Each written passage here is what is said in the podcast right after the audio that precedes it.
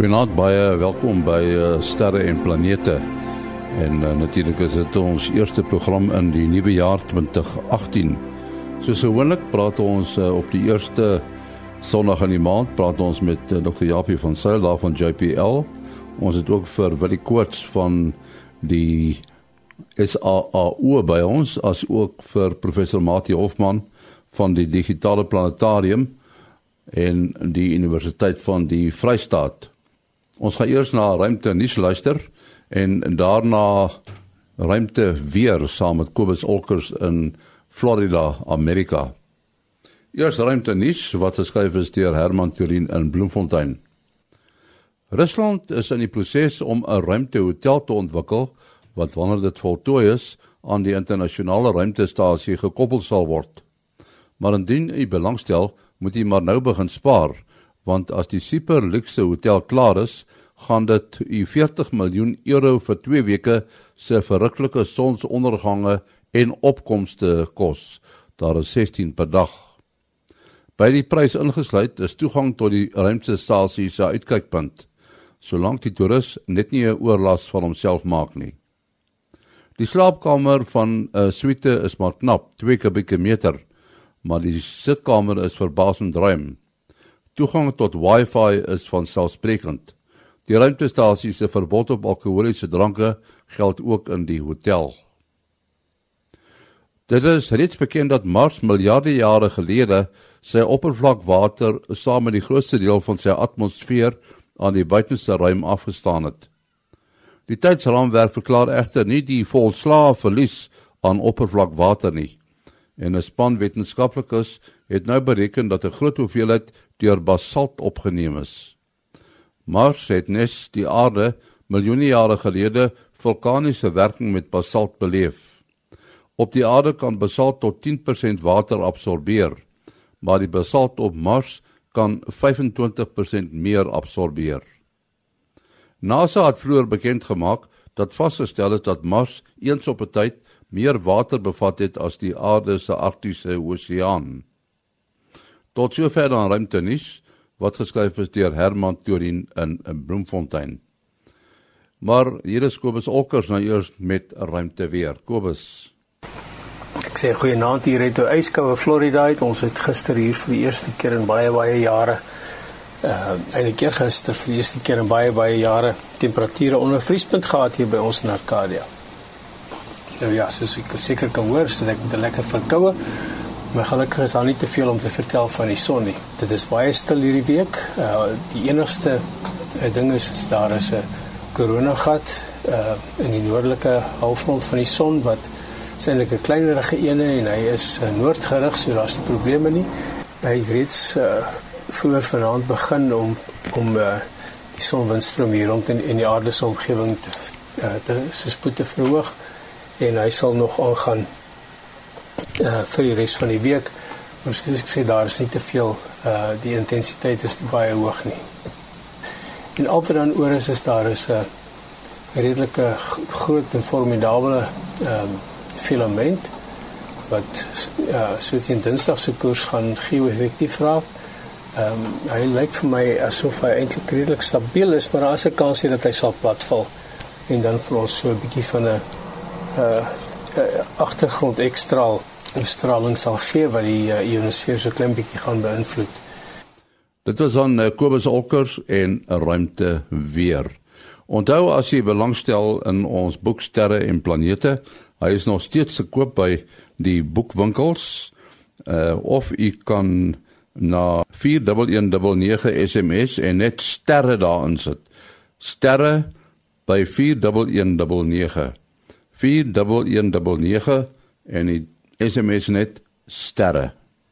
Ja, ek sien uh in die nuus dat die Amerikaanse regering nou besluit het om op die diepe ruimte te konsentreer eerder as op uh, aardnavorsing. Dit raak jou departement seker intens. Uh ja, en dit is 'n interessante siklus wat ons in Amerika beleef. Uh tipies wanneer die uh, Republikeine in beheer is, uh dan is daar meer fokus op die diep ruimte en minder soos op die aarde. En wanneer die demokrate in beheer is, is dit die ander uh die ander manier om dat se meer uh fokus op die aarde en minder op die diep ruimte. So vir my is dit nou eintlik baie goed hierdie jaar Uh ons het 'n heelwat groter begroting as wat ons voorheen gehad het in die um Solar System Exploration deel, die planetary sciences van NASA. So, dis uh vir ons baie goeie nuus, maar natuurlik nou nie so goed vir my kollegas wat die aarde bestudeer nie. Nou, hoe gaan julle die geld uitgee? Het julle al besluit hoe? Uh NASA is nou besig met uh groot planne natuurlik uh, en beplanning vir die volgende klompie jare. Um die meeste van die geld uh daar's 'n paar groot projekte wat nou uh, van die grond af kom nog nog nie gelanseer word nie, maar begin word natuurlik en een van hulle is die die projek na Europa toe, die maan van Jupiter en dan is daar ook 'n studie wat ons doen vir 'n lander wat uh, op dan op die sending sal volg. Die eerste een is net een wat verby sal vlieg iets soos 45 keer wat ons verby die maan sal vlieg en om in, in groot detail bestudeer. Maar beide hierdie hierdie ehm um, projekte sal so in die omgewing van 3 miljard Amerikaanse dollar wees. So dit dit gaan 'n hele klompie geld vat en dan praat hulle ook natuurlik om Mars toe te gaan en van die monsters wat die volgende sending Mars 2020 sal neem en daar in sulke buise op die oppervlakte los. Uh dan die plan is miskien so 2026 se kant om te gaan en die buise te gaan optel en terug te bring aarde toe. Daai goed sal natuurlik nou 'n hele klompie geld uh, neem om dan uh te voltooi. So dit is maar waar die waar die geld sal na toe gaan meestal. En wat van sendinge na die maan? Want daar's daar's 'n uh, uh, heeltyd 'n uh, groot hoeveelheid praatjie omtrent terug te gaan na die maan toe. Wat hierdie keer 'n bietjie anderster is, is daar's baie kommersiële uh, maatskappye in Amerika soos ehm um, die Blue Origins en so aan wat uh planne het om op hulle eie geld so te so te sê terug te gaan daar na die maan toe. En selfs mense praat selfs om basisse daar te gaan stig en so aan maar dis kommersiële maatskappye dis minder NASA. Nou nou op die ou end dit sal nou sien hoe die die uh, beplanning nou uitkom as die uh, nuwe regering se planne nou uh voltooi is en en uh, bekend gemaak word hoeveel NASA nou sal bydra tot die hele teruggaan na die maan se se studie toe. Maar meestal, soos ek sê, dis maar meestal kommersiële maatskappye wat toe wil gaan. Ek wonder net hoe werk hulle nou so begroting uit want as hulle sekere bedrag geld bewillig vir 'n projek en dan kom nou weer uh, so oor 'n paar jaar 'n nuwe regering, daai bedrag die bly nie. Ek bedoel hy word nie verminder nie.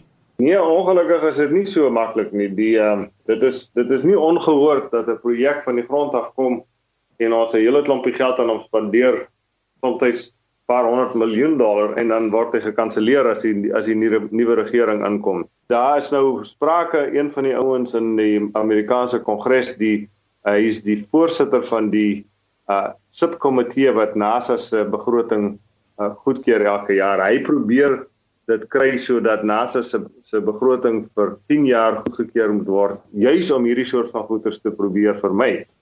Uh maar dit dit is maar 'n bietjie anderster as wat die regering se se proses werk. So ek dink nie dit sal so maklik deurgaan nie. Ons werk nou maar met hierdie onsekerhede voort. Dit kan wees dat jy nou 'n hele klomp tyd spandeer en vreeslike baie werk doen en dan word dit gekanselleer. Die uh, Japie 'n groot projek wat nou juis 'n uh, langer termyn fokus sou vereis soos om 'n basis weer op die maan te nie weer nie maar vir eerste keer 'n basis op die maan te vestig wat nou al genoem is daar in Amerika uh is so iets in die lig van hierdie veranderinge realisties of is dit iets wat regtig dalk in die volgende 10 jaar kan gebeur? Uh man, dit is moeilik om te sê maar kyk uh byvoorbeeld die die hele program om na um, van van Mars. Hy kom eintlik al van uh die tye toe George Bush president was in Amerika. Het hy mos die fokus van die maan af teruggeskuif na Mars toe. En uh en toe gesê ons nou Mars toe gaan. Die probleem altyd is dat die mense die regering skondig hierdie groot inisiatiewe af en dan sit hulle nie geld in daarvoor nie, né?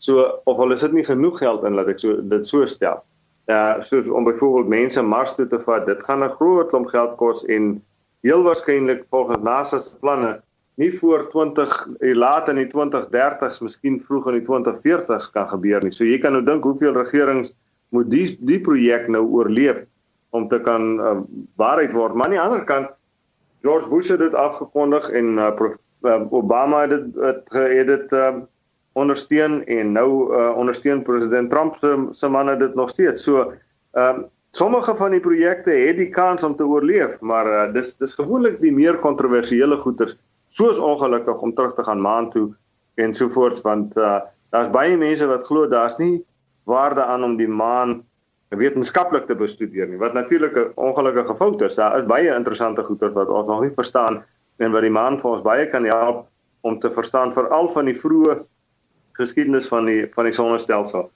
Uh maar nou ja, dit is nou so maar die daar's nie so groot ondersteuning in die in die wetenskaplike kringe in Amerika vir om byvoorbeeld na die maan toe terug te gaan. Ek neem aan natuurlik 'n projek soos die James Webb wat nou al so ver gevorderd is, die sal daarom geen probleme hê nie. Uh was mens op 'n stadium wat hulle wel wou uh die die projek stop omdat dit so ver oor uh begroting en agter geraak het agter tyd. Uh maar dit is daarom seker heeltemal veilig op hierdie stadium. Ja nee, kyk, hy is nou al so naby om te lanseer dat uh gewoonlik dan sal hy oorleef. Dis gewoonlik wanneer jy kom op die by stadium waar 'n mens nou ernstig beginne van die hardeware bou. Uh dan gewoonlik is dit is dit uh, redelik veilig, maar daar het al uh projekte uh was al reeds gekanselleer. Een van hulle wat in die in die in die huidige begroting uh gekanselleer is, is die sogenaamde Jason 3 projek. Nou dit is die satelliete wat ehm um, die watervlak van die oseane meet, die Topex en Jason series van satelliete en die ding is was veronderstel om uh, binne so 'n jaar of so te lanseer en hy is nou in die begroting gekanselleer maar dit is gewoonlik wanneer die manne so bietjie politiek speel. Ehm um, almal verwag dan op die ouens soos soos as die NASA begroting nou goedgekeur word deur die Senaat en die en die die House of Representatives in Amerika as hulle nou uiteindelik ooreenkom, dan se word die goederes gewoonlik weer teruggesit. So Uh dit is maar gewoonlik daar's baie politieke speelballe ook maar met die uh soort van begrotings wat aan die gang is. Ja, uh, Japie, dis dalk nou 'n onbillike vraag om te vra maar net vir ons om die konteks daar te probeer verstaan. Uh, watter persentasie van die totale Amerikaanse begroting maak NASA se begroting uit? Ja, dit is uh, dit is minder as 'n uh, 'n uh, halwe persent. So is minder 0.0 5% van die totale begroting word aan NASA gespandeer. So dis maar 'n klein deeltjie van die totale begroting in die in die Amerikaanse ja, begroting hier. Ja, in die, in die dae van die Apollo program was dit amper 2%, so dit is heelwat hoër gewees toe. Ek dink nou aan 'n ander moontlikheid, eh, soos soos wat mense nou die internasionale monetêre fonds het, moet mense eintlik 'n internasionale ruimtefonds skep dat meer lande kan bydra tot projekte. Uh dit is 'n interessante uh, uh, situasie. As jy kyk na meeste van die groot projekte deesdae, dit dit het gekom op die punt waar 'n uh, uh, een land amper nie meer hierdie baie groot projekte kan aanpak nie. Soos die James Webb byvoorbeeld. Um ek meen hy's amper 9 miljard op die oomblik. Uh in die toekoms dink ek nie uh enige ruimteagentskap by hulle self sal weer so 'n groot projek aanpak nie. Uh dit daar dit het 'n groot uh, verandering in in in NASA uh gebring. Nou moet jy dan baie goeie planne hê en jy moet ouens baie goed kan oortuig as jy praat van meer as 2 2 miljard vir 'n projek. En die uh, meeste van daai goeder word dan ook internasionale projekte op jou end want uh soos ek sê een een wat een uh, ruimteagentskap het nie meer die jy kan omtrent net een van daai goed op 'n slag doen. Hulle vat so baie van jou begroting. So om om dan bietjie ander goeders ook te doen word daar gewoonlik saamgewerk. So op 'n sekere mate word die agentskappe al reeds geforseer om so 'n soort van so 'n fonds te veroor uh, bymekaar te sit. Dit sal 'n goeie idee wees as almal kan bydra tot so iets. Ek het ook gewonder hmm. oor die uh daar's 'n aansienlike oplewing in die gebruik van sogenaamde CubeSats uh, hier om die aarde. Elke Jan Rappen se maat die stuur CubeSats op. Is daar plek vir uh, CubeSat tegnologie uh, om byvoorbeeld Mars laat jy uh, die soort satelliete om Mars kan gebruik? Baie beslis. Om die waarheid te sê, die eerste twee uh, wat ons sou sê diep ruimte CubeSats sal uh, hopelik volgende jaar, nou ek sou sê verkeerd gepraat nou hierdie jaar 2018 in uh, in Mei gelanseer word. Dit word saam met ons Insight um sending na Mars toe gelanseer. En die die hele idee uh, met die twee was uh, uh toe ek hulle oorspronklik begin het by JPL was om te kyk of uh, of 'n mens hierdie goeders kan uh laat oorleef so ver van die aarde af. En uh hulle gaan nou saam met Insight soheen toe gaan en wanneer die satelliet nou moet land, is ons ander satelliete nie in die regte plek om vir ons die data terug te stuur nie. Dan gaan hierdie twee kleintjies vir ons die data, hulle sogenaamde relay satelliete, dan gaan hulle ons die data terugstuur aarde toe en daarna gaan hulle nou by Mars verbyvlieg. Maar daar's baie voorstelle alreeds wat ons aan NASA gemaak het vir uh, uh, hierdie soort van CubeSat um klein satelliete. Die, die tegnologie is daar dat ons alreeds baie goeie wetenskaplike waarnemings met hulle kan doen. Lyk my die die toekoms vir CubeSat is groot. Ja nee, uh, om om om vir idee te gee, NASA het so jaar gelede het hulle uh uh dinge uitgestuur en gevra mense moet nou aansoek doen vir idees om van die CubeSat te gebruik en hulle amper 200 idees gekry waarvan hulle 20 gekies het. En uh die die studies is nou amper afgehandel. Daar's baie interessante idees vir hulle. Ja, die toekoms lyk baie goed vir hulle.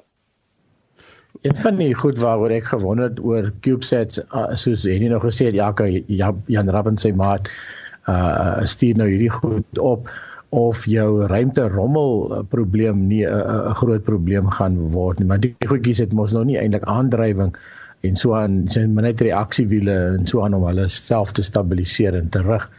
Dit kan so wees. Dit kan ongelukkig is dit kan dit 'n groot probleem raak. En uh ek kon nou eers toe die ouens eerste by my by JPL gekom het so 5, 6 jaar gelede en gesê het van die goed het ek gesê net as hulle wetenskaplike waarnemings kan doen. Anders dra ons net by tot die ruimte rommel en ek is nie daarin geïnteresseerd nie. Die goeie ding van hulle is omdat hulle so klein is oor die algemeen brand hulle uit voordat hulle terugkom in die atmosfeer. Deur die atmosfeer. So in daai opsig is hulle 'n 'n redelike sal ek maar sê minder van 'n van 'n ehm um, gevaar vir ons as van die groter satelliete. En dis nou dis nie te sleg dat hulle ehm um, so baie van hulle lanseer nie, maar aan die ander kant terwyl hulle nou nog daarbo is met 'n man pasop hulle nie in, in met hulle bots natuurlik. Ja, iets wat my nogal opgeval het, ehm um, ons was destyds uh by die Universiteit van Weskaap uh, wat ek dink Suid-Afrika se eerste CubeSat opgesit het en um toe met die ouens daar gesels en wat my interessant was is dat hulle het um seker om kostes te bespaar of wat ook al maar hulle het glad nie enige moeite gedoen om te seker te maak hulle komponente is is is ruimte wat jy dit radiation hardened jy weet dat hulle die ruimte se straling kan kan weerstaan nie So dit het amper vir my half geklink. Sjoe, daai ding is mos nou gewaarborg om nie lank te hou nie en dit het ook so gebeur. Uh maar mense neem aan dit is seker ook maar 'n deel van die leerkurwe hierso. Ja, dit baie van die universiteite in Amerika is natuurlik dieselfde wat wat hierdie goedjies opstuur. Uh soos jy sê, dit is maar deel van die leerkurwe en dit is ook om 'n bietjie goedkoper te hou want as jy dit vir studenteprojekte wil doen vir opleiding, dan kan jy nou nie bekostig om vreeslike ehm um, voorsorg te tref dat die ding lank hou en so voorts nie. Ehm um, maar dit is die nadeel van uh die sogenaamde komponente wat nou nie spesiaal gekeur is vir die rente nie. Jy moet hou nie so lank nie. Tipies so jaar of so is die langste wat wat die wat van hulle hou. Ehm uh, uh, ja, teenoor die die CubeSats wat nou uh, meer be, bekombare tegnologie vir kleiner spelers is, as mens na lanceer vermoë gaan, uh hoeveel lande of uh instituie is daar wat werklik die oor die vermoë beskik om satelliete groot of klein tot in die tot in bane rondom die aarde te kan lanseer. Want Mati, ek moet vir jou sê, dis 'n area waar daar verskriklik baie groei was in die afgelope sê net maar ek sou sê so ver terug as miskien 5 jaar. Daar's een groot konferensie wat ons elke jaar toe gaan, die International Astronautical Congress. Nou, hy was nou verlede jaar in Australië en as jy daar in die in die saal loop, loop waar die mense hulle goederes uitstal. Dis ongelooflik baie van um ouens wat die diens aanbied om CubeSats te lanseer. Nou weet ek nie of hulle nie almal van hulle doen dit self natuurlik dat hulle eie vuurpyle en so aan nie, maar baie van hulle koop nou die diens van van hierdie nuwe maatskappye. Daar's baie van hulle wat kleiners um vuurpyle het wat nou nie die groot satelliete wat ons tipies opstuur kan lig tot in, in die bane waar ons hulle insit nie. Maar hulle kan tipies amper 'n dosyn van hierdie van hierdie uh, klein satelliete lanseer en, en as ek reg onthou het India verlede jaar op een stadium 100 van hierdie goederes gelyktydig gelanseer. So op hierdie groter vuurpyle is daar baie kapasiteit om van hierdie goederes by die groot satelliete te sit en hulle dan na die groot satelliet afgelaai is so, om so, om dit so te stel en dan hierdie kleintjies af te gooi. So daar's baie um, en dis goedkoop om hierdie goederes relatief gesproke natuurlik om hierdie goedjies in die ruimte in te sit. Ons het al daaroor gepraat, maar miskien Japie, moet jy net verduidelik presies wat is 'n CubeSat? Uh die basiese eenheid van 'n CubeSat oorspronklik wat die sogenaamde 1U, die 1 die U staan vir 'n unit. Hy is 10 cm by 10 cm by 10 cm. En nou kry jy dan dan kry jy dat die ouens van hierdie goeters bymekaar sit. So dan kry jy 'n 2U of 'n 3U. 'n 3U is dan 30 cm by 10 by 10. Die twee wat ons nou Mars toe gaan stuur volgende jaar is uh, 10 cm by by 20 cm by 30 cm. So dis baie klein satellietjies hierdie in vergelyking met die goed wat ons normaalweg stuur. Hulle weeg tipies maar so 'n paar sien maar 10 of 20 kg totaal terwyl hierdie groot satelliete uh, tipies you know sommige van hulle is by 1000 kg so of of selfs meer uh die um, die satelliete wat ons byvoorbeeld na Europa toe gaan gaan stuur een van hulle is 13000 kg so dit is fris fris maniere in, in, in vergelyking met hierdie klein CubeSat en hulle gebruik natuurlik sonkrag of uh batterye Ja, meeste van hulle het batterye in en sonkrag. Ek weet nie nog nie van enige iemand anders wat 'n ander kragbron in die uh, in die CubeSat ingebou het nie. Maar weer eens omdat hulle so klein is en so min komponente en dit het jy nie verskriklik baie krag nodig om hulle te te te uh, aan die gang te hou nie. Hm. Die uh, Japie, hoeveel uh, kilogram was die Cassini tuig? Hy was ons nou van een van die groteres gewees. Uh, yes, ek sal nou moet gaan opkyk, maar as ek reg onthou was dit so ongeveer 5000. Hy was 'n groot man. Ja, dis nogal 'n redelike grootte, né? Nee. Ja, as jy so ver in die ruimte ingaan dan dan het ons gewoonlik groot satelliete nodig met om al die krag te verskaf en al die soort van goede. En uh, die die hele ding van battery tegnologie, het dit nou al verder gevorder?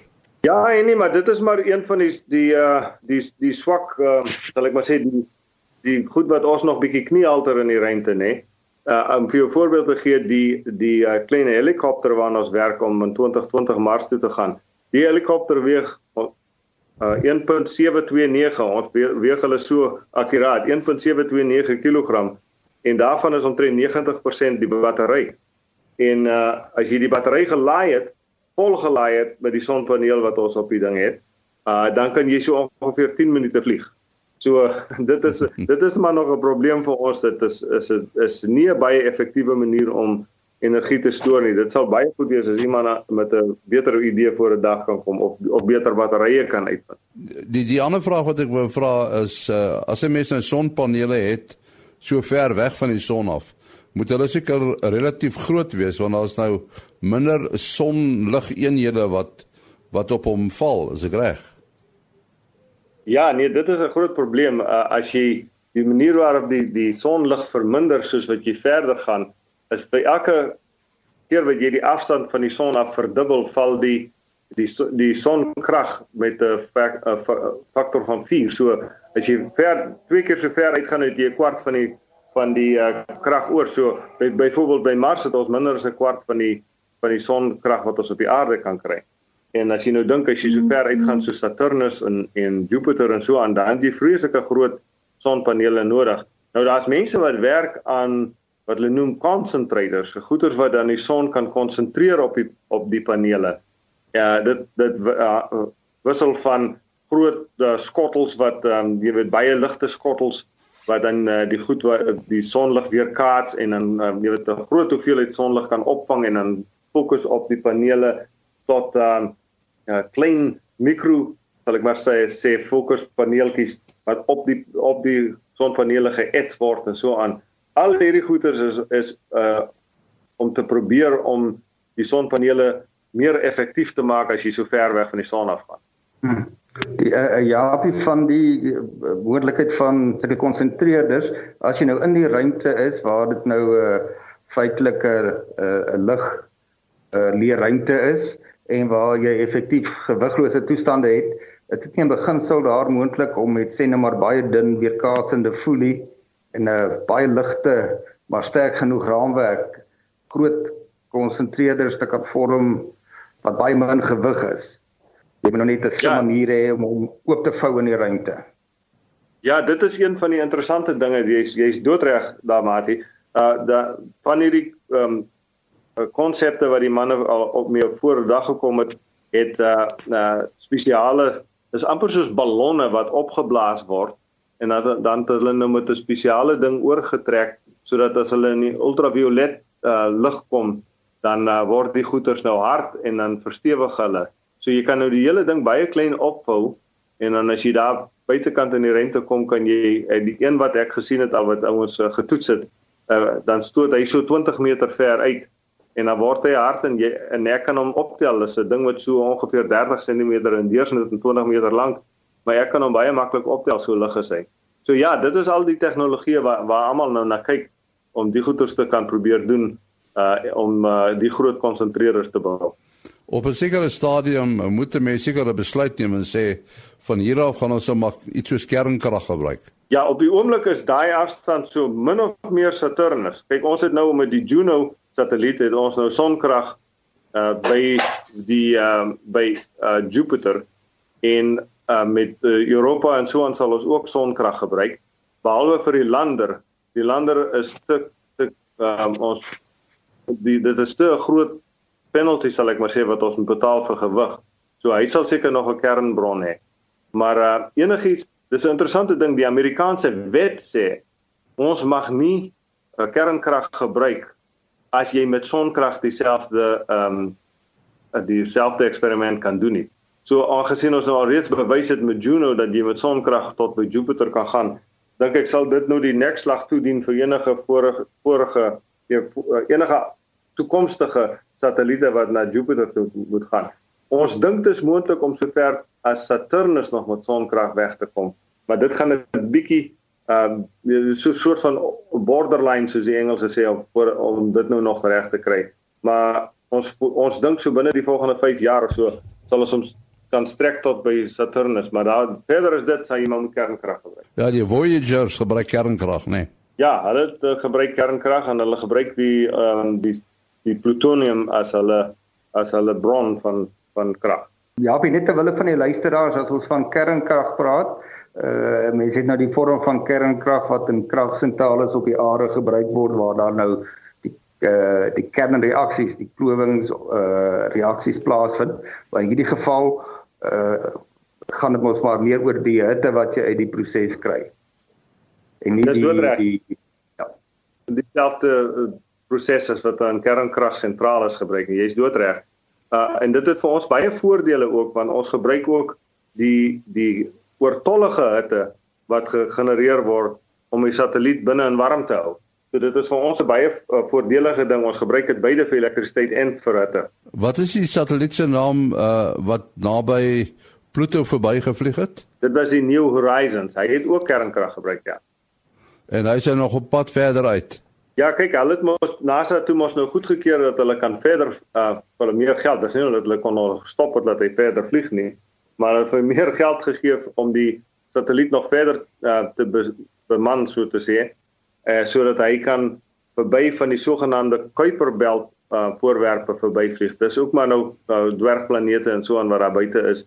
En daar's een in uh, waar hulle baie belangstel in. So hy sal verby een van die voorwerpe vlieg en dan uh, hy kan nog 'n hele rukkie hou. Daarna sal hulle sal ons nou kyk of daar iets anders is wat hulle kan verbyvlieg. Op daai noot met ons afsluit. Uh Japie, wat is jou besonderhede? My e-posadres japiejpl@gmail.com. japiejpl@gmail.com. En dan Willie? Ja, mense kan bel WhatsApp of SMS 072 4579208. 0724579208. En dan Mati? Uh selfoonnommer 0836257154